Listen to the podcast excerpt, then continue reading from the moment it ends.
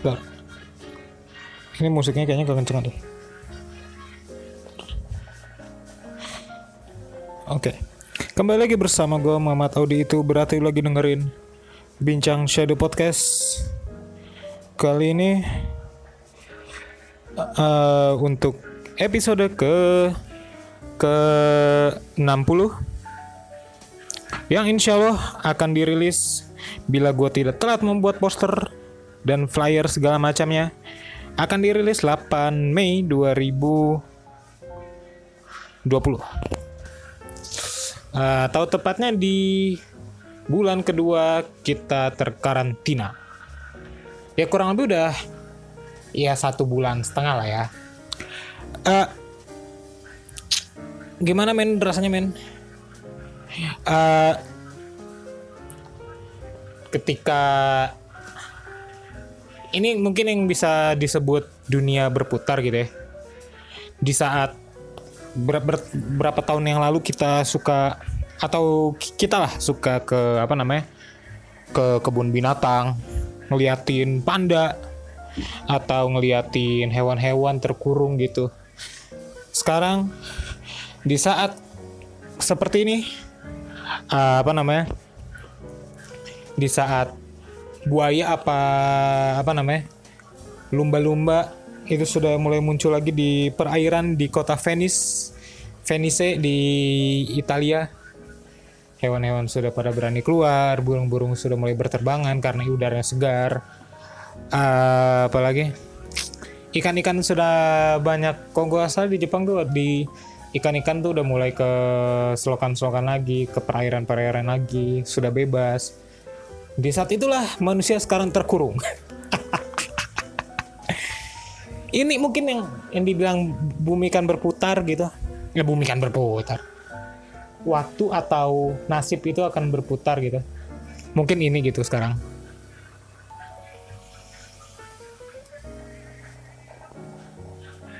Uh, gue tuh oh ya turut berduka cita men atas meninggalnya salah satu maestro. Buat gue maestro lagu tembang Jawa tuh beliau gitu Mister atau Bung Didi Kempot. Kaget men kemarin tiba-tiba gitu. Uh, gak ada karena gak ada ya namanya meninggal ya maksudnya tiba-tiba gitu emang. Tapi kayak tiba-tiba aja gitu kayak kalau Glenn mungkin kalau almarhum Glenn itu waktu meninggal tuh maksudnya seminggu itu kan sebelum seminggu sebelumnya atau dua minggu sebelumnya itu kan ada konser online gitu kan. Di situ udah kelihatan gak sehat gitu kalau lagi sakit. Kalau apa Pak D Didi Kempot itu kan kalau gue baca beritanya sampai sampai saat ini itu kalau nggak salah yang gue ter, berita terakhir yang gue baca itu katanya karena kecapean kelelahan.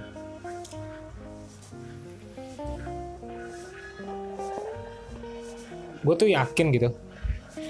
Influence dia tuh gede banget men. Parah. Banyak orang uh, teman-teman gue deh yang asalnya dari Jabodetabek bahkan. Jangan kan teman gue yang kuliah dari Jabodetabek yang kuliah di Jogja gitu teman-teman gue yang di berasal dari daerah yang basicnya dikit yang menggunakan bahasa Jawa itu mulai bisa atau mulai tahu beberapa bahasa Jawa tuh dari Pak De Didi gitu. Parah. Ya semoga tahun ini sisanya akan baik-baik aja. Semoga amin amin. Gue udah gak kuat nih. Ini gue dari luar tadi ada keperluan banget uh, gue liat tuh ring road jam sekarang jam berapa nih? Jam 10 tadi gue tuh berangkat jam keluar tuh juga jam 9 malam tuh. Biasanya masih rame di ring road Kaliurang. Gue kan jarang keluar baru tadi apa bukan baru tadi maksudnya keluar keluar tuh paling sekitar kontrakan gue doang beli bahan makanan atau apa segala macam ya maksudnya kayak sampai ring road jauh gitu. Uh, baru tadi karena lagi ada keperluan parah itu gue ngeliat jam 9 tuh jalanan udah sepi tuh. Sedih fan asli sedih maksudnya. Ah di gimana ya? Maksudnya yang biasanya salaman atau berpelukan atau pertemuan itu adalah tanda cinta sekarang tuh menjadi senjata sementara ini. Menjadi senjata mematikan yang silence murder gitu ah, ah fuck man. Maksudnya aduh udahlah jangan aneh-aneh dulu. Lu kalau percaya konspirasi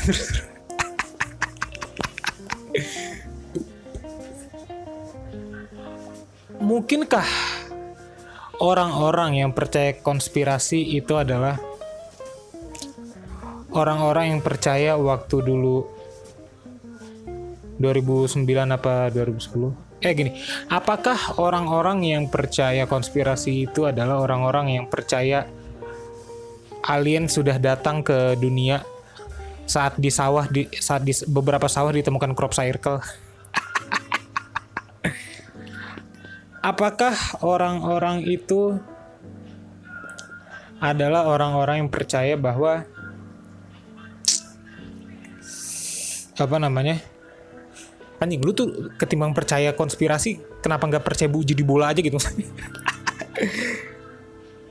Ya maksudnya yang kaya gara-gara judi bola tuh ada gitu. Yang miskin juga ada. Maksudnya bener-bener ada gitu. Ah.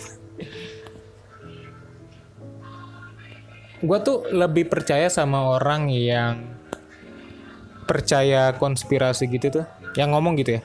Maksudnya pengen gue dengerin tuh adalah orang yang pernah ke minimal 10, 5 eh, atau 10 rumah sakit rujukan. Mungkin ditambah dia pernah ke Wuhannya langsung atau gimana gitu. Atau at least kalau dia benar-benar punya power atau dia punya keinginan yang lebih gitu dia pernah mencoba mewawancarai langsung WHO atau siapa gitu. Atau orang-orang yang dia bilang dalang dari sebuah semua ini adalah tapi mungkin orang-orang itu yang dia sangka dalang itu adalah ya apa tidak mau untuk diajak ngobrol atau diajak debat oleh dia? Ah gue gak tau lah ya.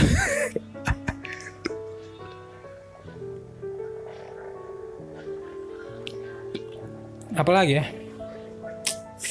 Jangan pernah beranggapan. Tahun 2020 ini adalah tahun yang akan menyedihkan atau tahun yang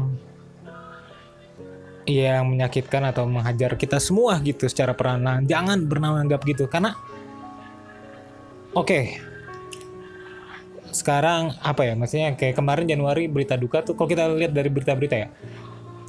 Uh, corona masuk Januari udah pokoknya di dunia itu udah ada corona tuh bahkan dari sebelum 2020 bahkan tapi Januari kalau kita hitung udah corona udah mulai menyebar uh, habis itu 2000 apa Februari apa Januari itu Kobe Bryant meninggal sama anaknya juga.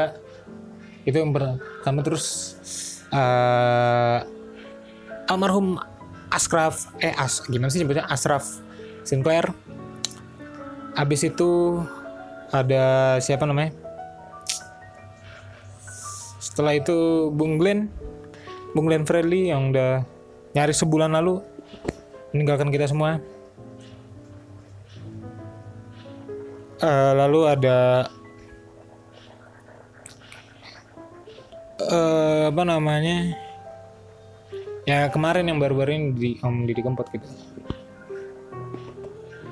uh, lalu apa lagi ya? Ya pokoknya jangan gitu. Jangan jangan pernah beranggapan 2020 ini akan buruk. Karena men kita baru berapa bulan ini? Misalnya Mei aja sekarang baru pertengahan oke okay? kita hitung deh Mei udah habis oke okay?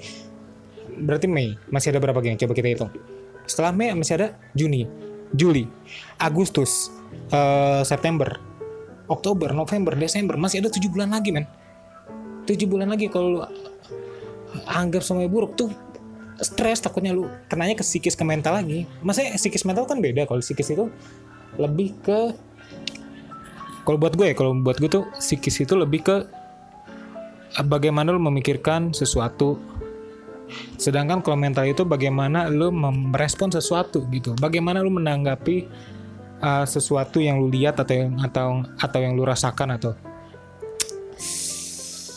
8 bulan lagi tuh eh iya 7 bulan atau 8 bulan lagi tuh masih lama gitu. Kalau takutnya tuh kalau misalnya lu menganggap 8 bulan lagi atau sampai sisa akhir tahun ini itu buruk. Apa pun yang menimpa diri lu lu nggak nggak bakal nganggap itu yang terbaik. Lu nggak bakal nganggap itu tuh yang apa namanya itu tuh yang ya emang this dua gitu. Maksudnya lu nggak bakal nganggap lu bakal nganggap yang jelek-jelek aja gitu. Maksudnya itu ngaruhnya jelek gitu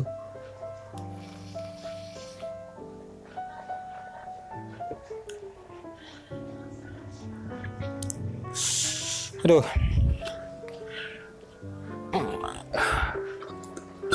apalagi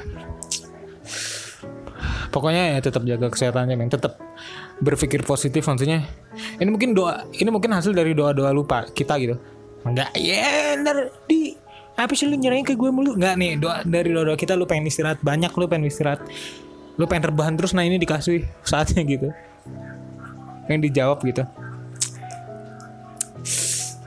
Ini dijawab kalau apa namanya? Lu pengen istirahat di rumah, ini jalannya. Lu males ke kampus, ini dikasih jawabannya. Ini tentara Allah. Astagfirullahaladzim uh, itulah ah gue gak mau bahas yang itu ntar aja ntar aja kapan-kapan kalau lu pengen tahu lanjutannya ntar kita ngobrol langsung aja.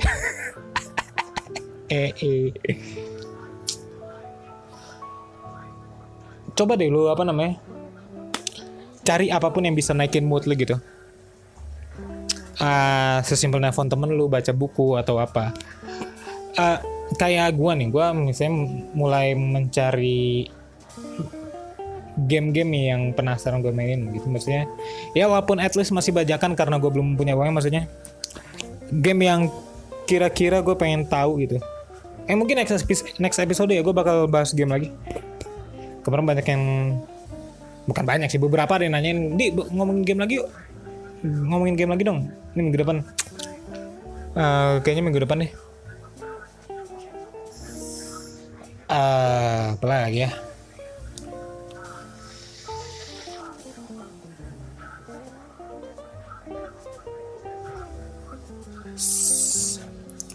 coba lu cari hiburan yang apa gitu.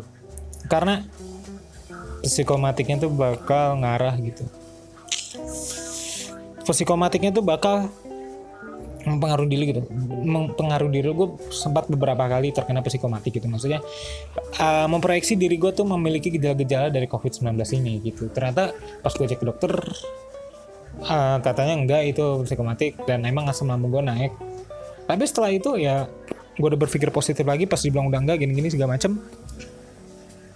Pulang dari itu dari dokter ya alhamdulillah gejalanya hilang men. Asli. Maksudnya karena ya suges suges. Suges itu lebih penting menurut gue dari suges atau semangat yang ada di kepala atau yang ada di tubuh gitu. Itu itu tuh lebih penting dari obat kalau menurut gue ya. Karena obatnya untuk ngehack diri lu doang gitu ibaratnya ibaratnya ini untuk yang ngacu ngacuin tapi kalau lu aja nggak ada semangat ya susah gitu. Soalnya kalau gue lihat di beberapa apa namanya gue lihat di beberapa wawancara atau obrolan orang yang berhasil recover dari beberapa penyakit termasuk covid ini atau bahkan beberapa penyakit yang lebih mematikan sebelumnya itu bisa ada beberapa orang yang bisa nge-recovery. Ada beberapa orang yang eh, apa namanya uh, apa namanya ada beberapa orang yang bisa recover bisa sembuh bisa kembali normal lagi uh, bukan karena obat tetapi karena suges. Obat juga bantu tapi uh, suges itu juga lebih penting. Rata-rata tuh kalau gue lihat itu jawabannya itu semangat aja semangat semangat semangat gitu. Karena kalau gue ibaratin sebuah apa namanya kalau gue ibaratin sebuah tim sepak bola deh ada delapan orang. Akan tim sepak bola itu dibagi jadi 11 pemain kan. Satu kiper 10 itu pemain outfield kita taruh dari lap- 10 pemain itu tiga pemain bintang. Yang overallnya kita ta- overallnya kita taruh dari 1 sampai 100 tuh tiga pemain ini overallnya tuh 92, sisanya tuh overallnya 70-an. Eh, dan dan 70 ya rendah banget. 80 80 deh. Kita taruh semuanya 80 sisanya itu 92 95 segala macam. Tiga orang ini.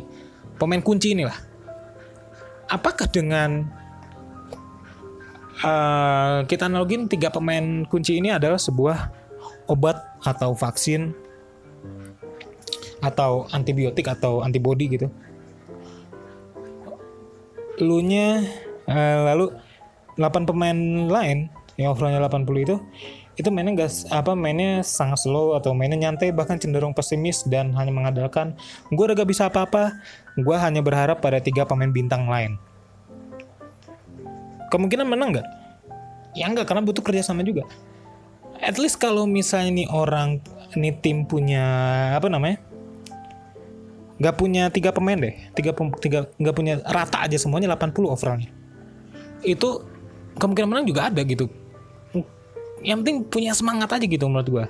Nah gua, nah itu gua, gua analogin ke ke apa namanya ke tubuh manusia. Kalau tubuh manusia dan otak manusia sedangkan kalau misalnya tubuh manusia dan otak manusia sedang sakit dan hanya mengandalkan obat saja dan tidak dan tidak pernah berpikir kalau gue bakal sembuh atau eh, semangatnya nggak ada itu bakal susah untuk menang pak.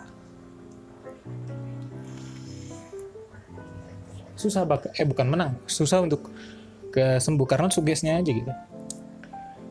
Oh obat itu adalah pendorong tapi yang bisa maju ya tapi yang untuk nentuin lu mau maju apa enggaknya diri lu. Asik. Anjing bisa gini gue ya? Ini gitu lah pokoknya. Eh apa lagi?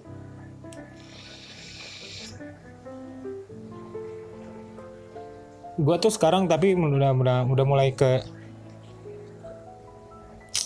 gue tuh parahnya tuh ya kalau buat gue adaptasi di bulan pertama. Bulan pertengahan Maret sampai ke April tuh.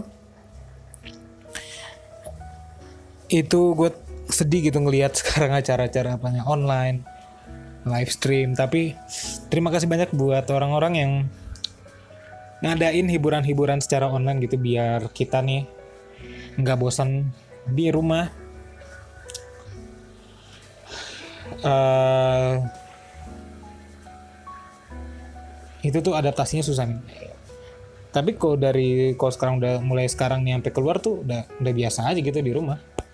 Maksudnya udah gue udah tahu rutinitasnya tuh apa gitu. Sedangkan sebelumnya tuh gue masih gak tahu gitu. Gue biasanya kuliah, biasanya nongkrong, biasanya main ke kosan temen, biasanya ketemu teman gue. Biasanya gue ada kegiatan rapat atau kegiatan ngobrol sama teman gue atau gue ada biasa ada kegiatan seminggu sekali gue open mic stand up nonton orang stand up semua rutinitas itu dulu apa sekarang nggak ada. Di awal-awal mulai memulai kebiasaan baru ini tuh ya agak susah gitu sebelum pertama. Cuma sekarang alhamdulillah udah mulai terbiasa gitu.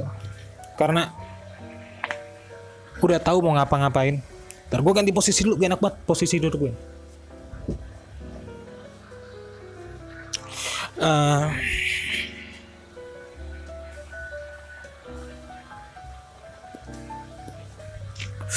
aduh, ini udah berapa menit sih? Udah 19 menit. Kita sampai 25 menit aja ya. Lalu Tar, tar.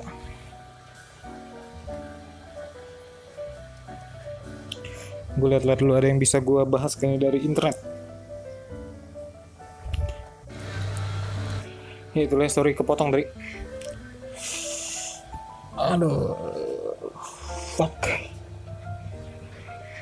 lu main lu coba main apa ya?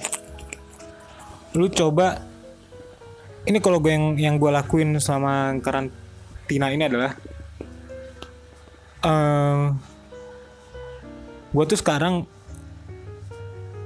mungkin gini positifnya dari adanya ini adalah sekarang tuh kita harus lebih aware dengan kesehatan gitu. Setelah dipikir-pikir kayak masih anjing dulu gue jorok banget ya maksudnya.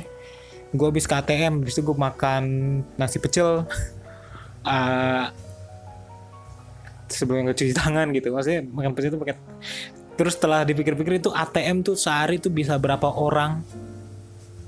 Bahkan sebelum gue masuk ke ATM itu sebelum gue mencet tombol ATM itu sebelum itu ada beberapa mungkin ya ada beberapa orang yang datang udah menggunakan ATM itu mungkin orang pertama itu sebelumnya dia galer atau uh, setelah itu ada orang yang mencet itu sebelumnya itu dia sebelum ke ATM-nya dia itu apa nama? Apa ya? Apa yang jorok-jorok ya?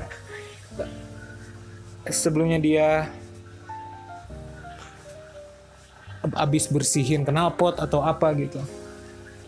Setelah itu gue datang gue mencet tombol tet tet tet ngambil uang set. Gue kepecel gue nggak gue nggak cuci tangan. Sekarang tuh kan gue harap semua orang udah ngelakuin. Maksudnya sebelum apa-apa yang berhubungan dengan muka sebelum tangan lu menempel dengan muka lu cuci tangan gitu. At least semua uh, orang tuh ngelakuin itu sekarang. Jadi nanti saat pandemi ini berakhir gitu gue harap kita tuh lebih jadi lebih aware jadi lebih waspada dengan yang namanya kebersihan gitu. Jadi uh, jadi ketika corona ini udah gak ada jadi uh, moga-moga kemungkinan orang yang bakal terkena flu atau apa namanya flu pilek atau radang tenggorokan atau apa segala macam yang karena kebersih karena kurangnya kebersihan tangan itu jadi berkurang juga karena orang tuh makin aware karena gue tuh percaya setelah adanya ini khususnya di Indonesia ya karena gue karena kalau kita lihat karakteristik orang Indonesia itu parnoan. Kalau kita lihat setelah adanya ini itu bakal ada sebuah kenormalan baru. Oke, okay? akan ada sesuatu yang baru yang sebelumnya mungkin gak kita terapin, sebelumnya gak kita lakukan, tapi akan menjadi sebuah kenormalan kita melihatnya. Kayak contohnya tuh sebelum, kok gue dikasih tahu sama siapa waktu itu ya? Sebelum tragedi bom JW Marriott Asik. JW Marriott atau Ritz Carlton tuh yang gagalin MU ke Indonesia tahun 2009 kalau nggak salah. Yang karena bom Nurdin M ya itu kayaknya itu kayaknya itu kan bom 2009 tuh.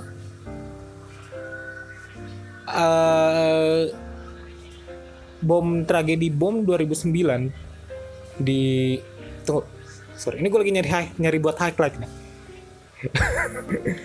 Sekarang gini itu tragedi bom 2009 di hotel Geo Marriott dan Ritz Carlton itu ngegagalin apa namanya MU untuk datang ke Indonesia.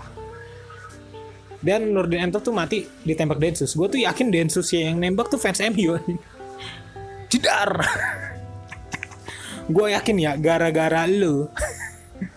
Nih pak. Pak Nurdin gara-gara lu pak. Saya tidak jadi ketemu Van der Sar, Gary Neville, Michael Carrick. Mati lu pak. Karena mungkin kalau City, Manchester City yang datang atau Blackburn yang datang masih ada Nordin laptopnya. ya gitu lah ya. Nah, setelah jadi balik lagi ya, setelah kejadian bom J Marriott dan Ritz Carlton 2000 2009 itu kan bom di hotel dar meledak gitu sebelum kejadian itu itu belum pernah ada kalau lu masuk ke hotel nih ya sebelum masuk ke hotel atau mall besar gitu kan biasanya mobil dicek tuh.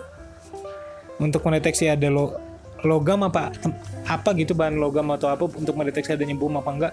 Itu sebelum ada kejadian itu itu belum ada. Sekarang sejak ada kejadian itu sampai sekarang itu masih jadi ada. Dideteksi tiap mobil mobil lu kalau masuk ada bom apa enggak.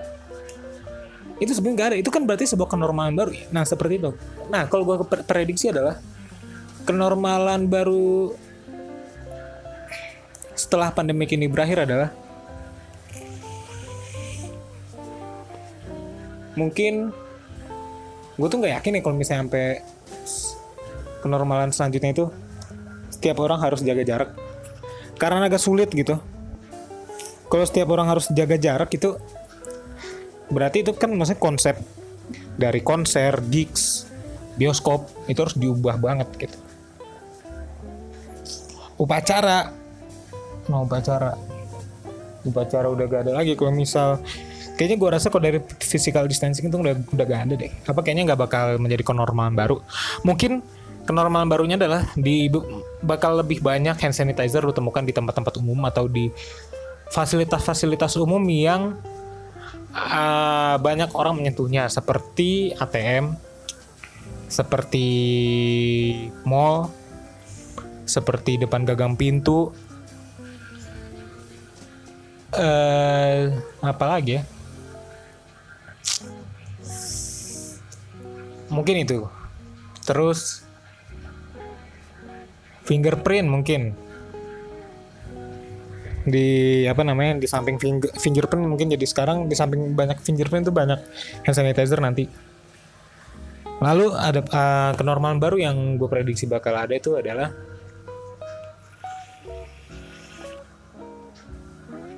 dari dari manusianya sendiri mungkin bakal lebih aware dengan kesehatan mereka. Akan lebih aware dengan apa namanya kebersihan tangan mereka. Mungkin McD atau KFC atau restoran-restoran atau rumah makan mungkin akan harus mempersiapkan tempat sabun yang dengan stok yang lebih banyak gitu karena gue yakin makin banyak orang yang lebih aware gitu. Karena gue yakin dengan setelah pandemi ini gue orang-orang itu bakal bakal lebih sering cuci tangan sebelum makan. Terus apa lagi ya? Ini terus apa lagi ya?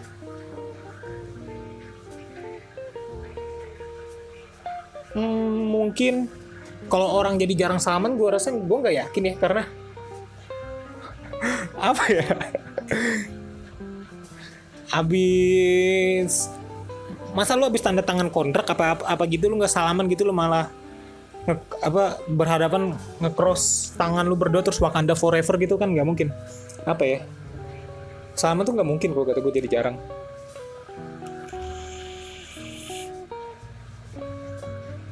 Uh, mungkin oh mungkin orang setelah dari rumah sakit akan lebih aware gitu. Misalnya dia baru keluar dari rumah sakit. Dari dari luar dari rumah sakit itu maksudnya bukan cuma dirawat doang. Maksudnya dari lu menjenguk teman lu atau lu ketemu orang di rumah sakit setelah lu keluar dari situ mungkin setelah lu pergi dari rumah sakit lu bakal lebih sering untuk cuci tangan atau apa gitu. Ini buat pengepul-pengepul hand sanitizer. Kalau misalnya lu pengen sabar sedikit lu bisa nurunin harga dari sini lu pasti bakal rugi. Tapi at least gue yakin lu itu apa hand sanitizer yang lu kepul tuh bakal laku ke depannya gue yakin. Karena orang tuh mungkin bakal lebih banyak memiliki hand sanitizer dan dibawa ke mana-mana gitu. Karena kalau lihat orang Indonesia tuh panikan men asli. Nah mungkin karena kayak gini ya mungkin kenapa kok belajar begitu tapi positifnya dari seperti ini adalah dari ada yang terjadi ini gitu khususnya di Indonesia ya. Orang tuh jadi bakal lebih aware sama kesehatannya sehingga karena awarenya tuh bukan karena takut karena mereka tahu anjing virus ini yang namanya virus atau bakteri itu penyebarannya itu sangat cepat sekali gitu. Dan ini pentingnya kebersihan atau apa gitu. Gitu lah ya. Ini udah berapa menit ya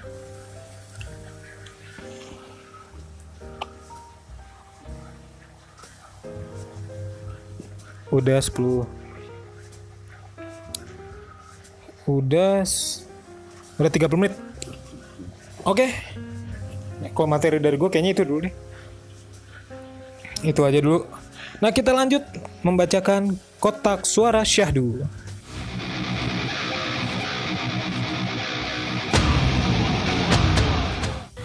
Kotak suara syahdu. Ini lumayan ada beberapa yang masuk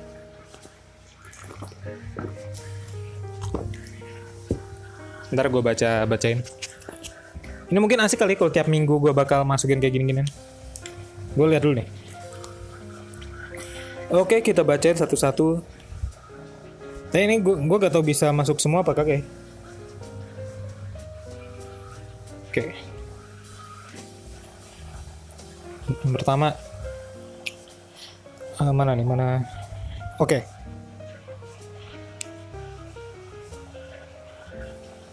dari siapa nih Let me try si Arvin ceritain salah satu momen mema memalukan dalam hidup gua. Cerit momen paling memalukan kalau momen sih gue lupa ya kalau cerita sih ada memalukan tapi tapi kan pertanyaan bukan momen. Momen tuh yang gue ingat aja ya kalau paling memalukan itu gue lupa asli dah tapi kalau gue gak tau ini paling apa enggak ya, tapi yang yang paling gue bikin bikin gue malu adalah ketika gue stand up nggak lucu. Udah itu aja sih.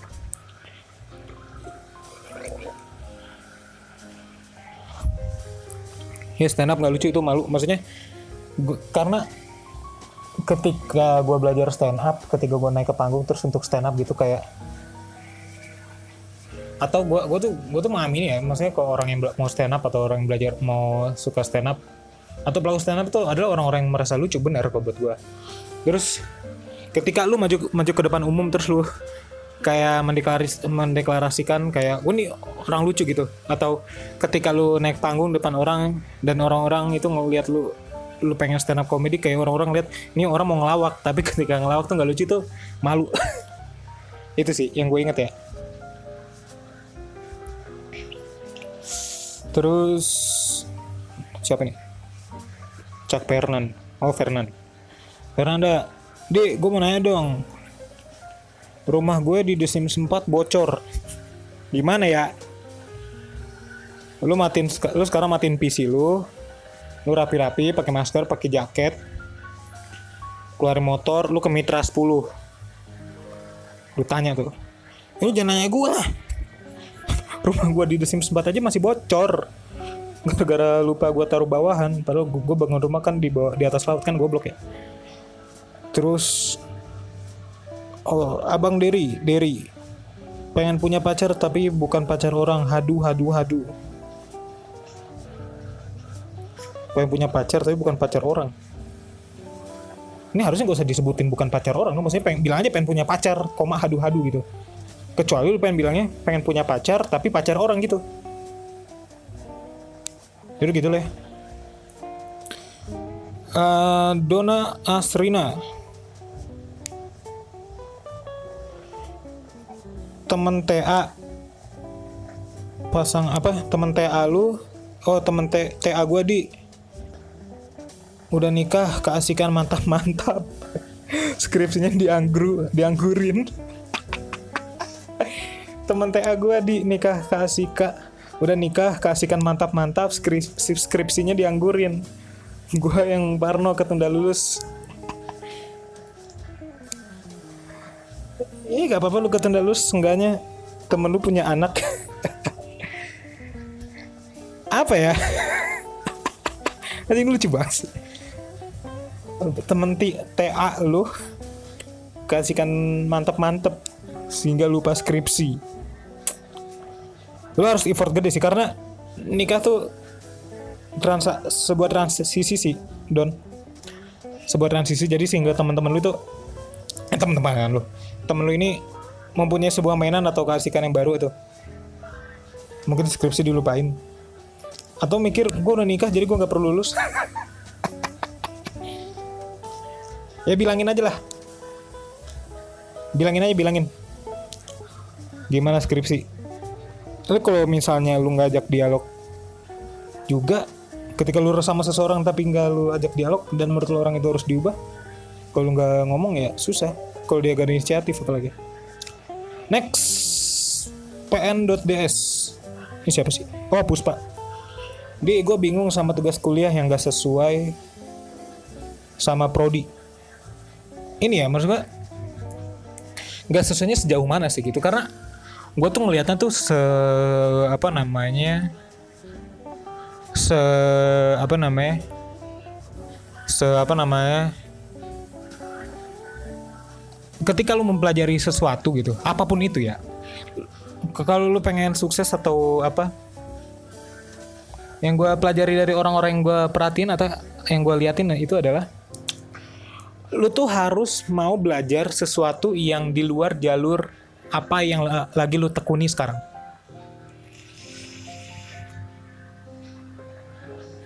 Kayak misalnya gue stand up nih, gue stand up. Gue tuh harus belajar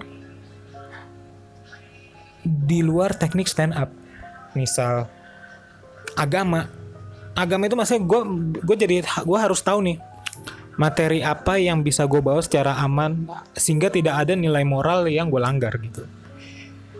Uh, mis terus apa lagi misalnya gue desain gitu. Gue nggak harus gue nggak cuma harus belajar teknik software doang. Gue tuh harus belajar kayak infografis, perhitungan seperti keuangan. Karena nanti pasti bakal berkesinambungan gitu apa yang gue pelajari itu kayak kemarin gue tuh dapat klien bikin motion grafis ke gue dia tuh ngomongin soal statistik gitu. Maksudnya ya tentang misalnya nah klien kan random. Dia cuma ngasih pokoknya angka segi apa misalnya dia bikin minta bikin animasi statistik dong. Ya gue tuh ya statistik kan itu banyak kan ada blok diagram ada yang kotak-kotak apalah gitu namanya. Ya gue tuh harus belajar itu juga supaya gue bisa tahu nih ini poinnya seperti ini adalah po, poinnya adalah seperti ini maksudnya. Poinnya adalah seperti ini ketika gue diterapkan di mesin grafik adalah seperti ini gitu loh. Jadi lu tuh harus menurut gue harus belajar mempelajari hal-hal yang enggak bahkan enggak sejalur sama yang lu enggak lu tekuni gitu. Masa ini si Puspa ini nggak bilang nih apa nggak sesuainya kayak gimana. Kalau misalnya kan si Puspa ini teman sekelas gue di kuliah kalau misalnya jurusan kuliahnya atau program di pro, program studinya itu game design tapi lu disuruh belajarnya manjat tebing ya emang salah. Tapi ini sejauhnya apa? Lu nggak bilang? Apa nih? Terus next. Atnya Suari oh Anya. Halo Anya. Di gue mencerita gak banyak atau gak banyak atau gak ada yang tahu kalau gue ini sebenarnya pemalu banget kalau mau ke izin ke toilet aja gemeteran. Terus hanya tuh ada lanjutan ya bentar. Tapi sekalinya gue nyaman gue tuh bisa bersih banget kayak knalpot racing pas SD gue dibully sampai akhirnya gue tahu kalau gue punya asma dan panic attack. Panic attack tuh gampang apa sih namanya? Gampang bingung atau gampang kelayangan kalau panik gitu gak sih? Nah baru kuliah baru-baru kuliah ini gue tuh tahu istilah-istilah mental health gitu-gitu. Jadi selama sebelum itu gue survive sendiri benar-benar sendiri jatuh bangun urusan sekolah keluarga teman bahkan cinta. Makasih disebut aja Anya gitu. Oke. Mantap Anya. Semangat terus. Karena lu kalau bilang gue kan gak tahu ini cerita lengkapnya gimana. Kalau lu bilang lu bisa survive dan lu aman sampai sekarang keren lu. Karena buat gue ya ada kalanya di mana kita tuh harus belajar uh, survive secara sendiri tanpa, tanpa bantuan orang. Oke lah manusia itu makhluk sosial. Oke lah manusia itu membutuhkan teman. Tapi ada kalanya teman lagi nggak ada di sisi lu gitu. Jadi jadi su, uh, istilahnya supaya orang bisa menghadapi masanya sendirian gitu. Tapi kalau tapi kalau misalnya uh, keseringan itu juga bahaya. Jadi tapi kalau menurut gue lu tuh yang susah untuk berharap orang tuh selalu ada di sisi lu gitu. Lu tuh jangan nyari orang yang selalu bisa di, berada di sisi lu. Tapi lu uh, carilah orang yang bisa berada di sisi lu sesering mungkin. Gitu. Tapi kalau masalah mental health tuh gue gua ini agak sensitif tapi gue tuh ngeliat mental health tuh sekarang jadi sorotan utama gitu. Di mana uh, buktinya aja adalah tahun kemarin tuh album Mantra Mantra jadi album terbaik men. Album Mantra Mantra itu kan ngomongin soal mental healing kan. Ketika itu digandrungi banyak orang yang merasa terbantu oleh itu berarti banyak orang yang mem- buat gue kalau yang gue cermati banyak orang yang memiliki masalah mental health buat yang nggak tahu album mantra mantra itu adalah albumnya Kunto aja ya.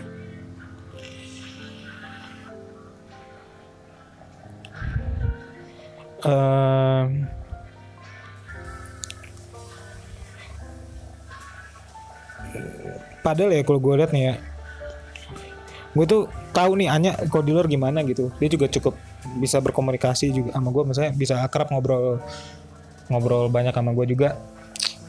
Gue tuh ngeliat setiap orang tuh punya kedalamannya masing-masing gitu. Buat gue sangat wajar uh, orang tuh ngeliat uh, ketika di lingkungan tuh orang ini seperti ini sedangkan di sisi lain tuh berbeda gitu. Sangat wajar orang tuh mempunyai topeng tuh sangat wajar asli. Sangat wajar. Karena orang tuh punya adaptasinya masing-masing terhadap orang banyak gitu kan bersosialisasi terhadap orang yang berbeda-beda. Dan orang yang berbeda-beda tidak bisa memiliki tidak bisa uh, nyambung dengan sifat yang template gitu. Kalau misalnya gua punya sifat seperti ini. Misalnya kalau orang yang kenal gue itu adalah orang yang gue tuh suka marah-marah pada bercanda gitu. Sedangkan ya tapi gue gak bisa begitu ke semua orang gitu. Gue ngeliat dulu nih orang bisa apa enggak gue bercanda seperti ini? Gitu. Kalau misalnya nggak bisa ya gue gak bisa kalau misalnya gue gak bisa ngebacain dia secara marah-marah karena orang itu gue nggak bakal insya Allah gue sih nggak bilang dia sensitif karena emang dia dia nggak suka gimana? Jadi keren nanya lu bisa survive yang seperti itu. Ayo ayo nyak kapan-kapan kita podcast ya. Ini, ini si Anya tuh pernah udah gue ajak dari lama tapi gue belum ada waktu untuk ketemu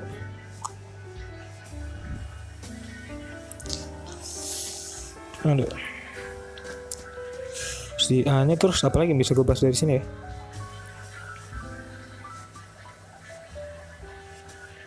Lu dibully kenapa sih men dulu? Lu tuh kalau dibully tuh nanggepinnya gimana sih? Kayak maksudnya kalau gue nih, gue tuh sering dibully juga karena kalau gue ya karena gendut ya, ya gue gendut. Kalau gue gini, gue punya tips untuk melawan bulian ya. Ini ini kalau buat gue, ini konteksnya tuh apa pun.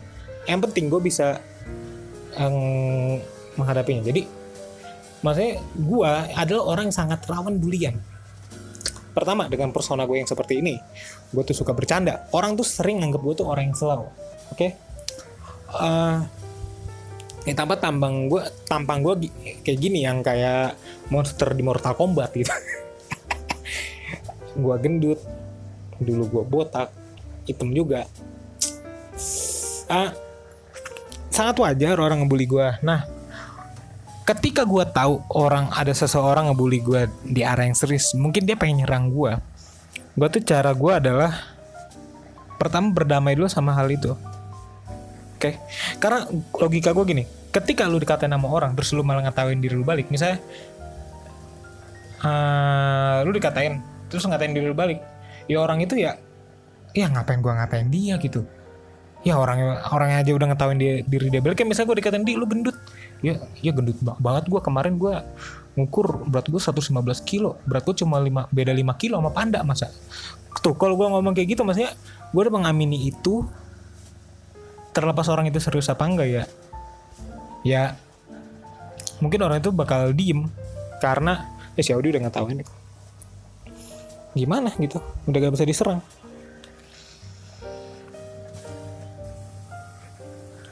Oke, makasih Anya ceritanya. Next.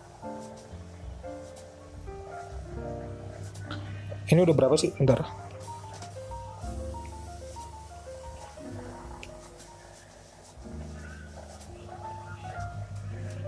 Uh, Anya udah Aurori, Aurori enggak enggak mau nanya ya gak usah ngetik dong Reri Claudi underscore Rizka akun baru nih promotin dong kak. Siapa deh? Sum Oan Sinaga sa- idola kalian semua. Sumpah mumet banget Ramadan kali ini. Banyak tugas, banyak pikiran Pengen nikah aja. Dengan lu menikah Tugas lu dianggap selesai. Google Drive lu keisi sendiri. Google Classroom lu ke submit sendiri. Itu idola yang bag Itu adalah Solusi yang bagus. Bang Wan tuh kadang aneh orangnya.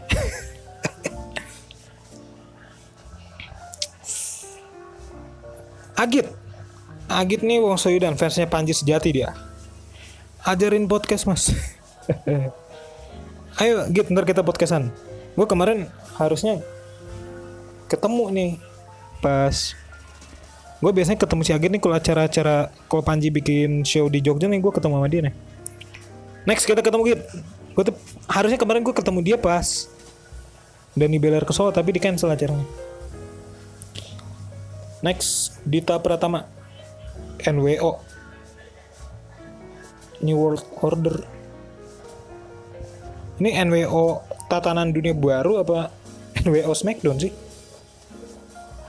Maksudnya apa nih nanya? Gue gue percaya NWO apa enggak? Apa ya percaya nggak percaya sih? Tapi kalau ada gue yakin ada sih. Masa agak tau lah, gue berani juga ngomong, ngomong kayak gitu tapi kayaknya enggak sih enggak sampai segitunya karena sekarang eh, saya kalau gue lihat tuh konspirasi tuh kebanyakan cocok logi anjing next Adeli Adi SS ini siapa sih? Oh Adel paket data kagak turun-turun dah. Nyangkut kali. Masih di atas. Ya gue kagak tahu. Jadi ini internal banget sih. Dia nanya kan di kan gue satu kampus sama dia. Terus dia nanya kok paket data sumbangan tuh nggak turun-turun. Mungkin lagi diproses kali. Ini kan baru tanggal 7 nih. Deadline deadline submitnya aja kemarin tanggal 2 nggak tahu sih tunggu aja kali. Saya kan kita murid banyak cuy. Terakhir eh nggak terakhir sih masih ada lagi nih. Ada beberapa satu dua. Eh, tapi kayaknya kepanjangan ntar aja lo gue bacain. Next episode. Ya. Terakhir nih. Sydney Evan. Gue tulis sini aja banyak yang ba- banyak agak panjang soalnya di jadi kemarin pas gue di Batam gue naik ojek pangkalan ke bandara. Terus ngobrol kan tuh di jalan. Bahas macam-macam corona sama penanganannya oleh pemerintah. Tapi lama-lama ngerempetnya jelek jelekin Jokowi sampai ke masalah yang kema yang ibunya aja kemarin baru meninggal ibunya Pak Jokowi ini gue tegasin di situ ya. Ya gue gimana ya denger de- ya gue gimana ya dengernya jelek-jelekin udah bukan karena kebijakan malah karena pribadinya sampai ngumpet-ngumpet. Ya gue diem aja. Terus habis itu kayak ngomong pelan sambil ditanya kamu dukung Jokowi ya mas?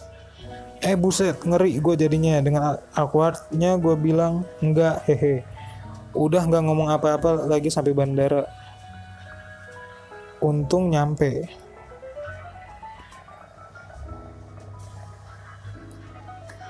eh apa ya? Menurut gue nih hal-hal kayak gini tuh yang kita susah ngebeda- ngebedain sekarang gitu. Ketika ada orang yang mengapa namanya mengkritisi sebuah pemerintahan sekarang ini khususnya di beberapa negara deh bahkan di banyak negara ketika ada yang mengkritisi sebuah pemerintahan yang sedang berlangsung itu tuh kita tuh sekarang agak bingung tuh. Ngebedain ini tuh benar-benar mengkritik atau emang karena dia benci doang. Terus karena ada landasan pemerintah itu melakukan blunder diserang lah. Nah ini yang susah nih. Kita susah ngebedain yang mana mana emang beneran ngekritik mana emang karena benci aja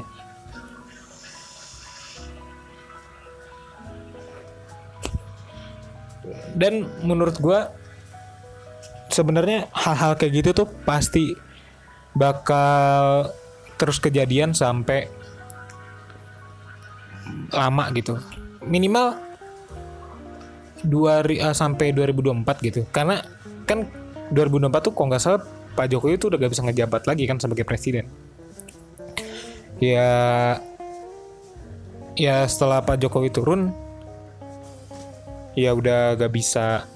Udah mungkin bakal udah dikit gitu yang bakal menjelek-jelekan Pak Jokowi. Karena hatersnya dia juga lumayan banyak men. Tapi kemungkinan juga kalau bahkan 2024 Pak Jokowi udah uh, turun terus ada orang baru yang ngejabat itu pasti ada aja yang masih ngejelek-jelekin. Karena kayak gitu tuh, tuh pas akan terus ada.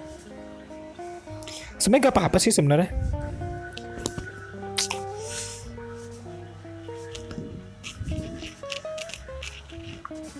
harusnya ya pan ya?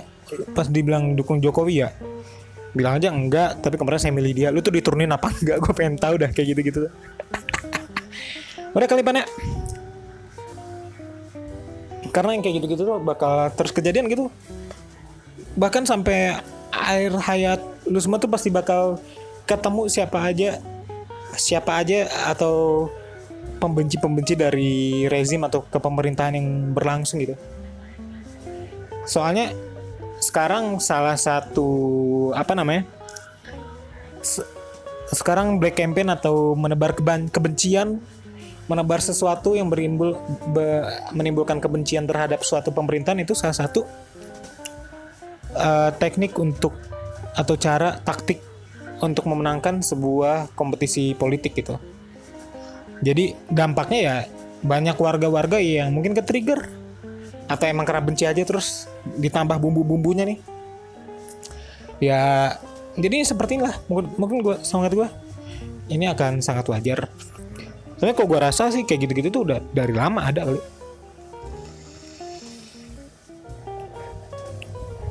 Cuma karena sekarang sosmed lagi naik nih ya orang yang sebelumnya nggak terdampak jadi bisa terdampak. Dan mediumnya bakal lebih gede lagi udah kali ya? Ini masih ada beberapa tapi minggu depan aja kayaknya. Udah udah lama udah panjang nih. Wah lumayan juga sih. Oke deh. Makasih teman-teman yang udah dengerin. Tetap jaga kesehatan semuanya. Uh, Tetap berhati-hati Sering-sering cuci tangan. Nanti kalau misalnya gue bikin kotak suara syahdu lagi Isi ya. Oke Makasih teman-teman. Adios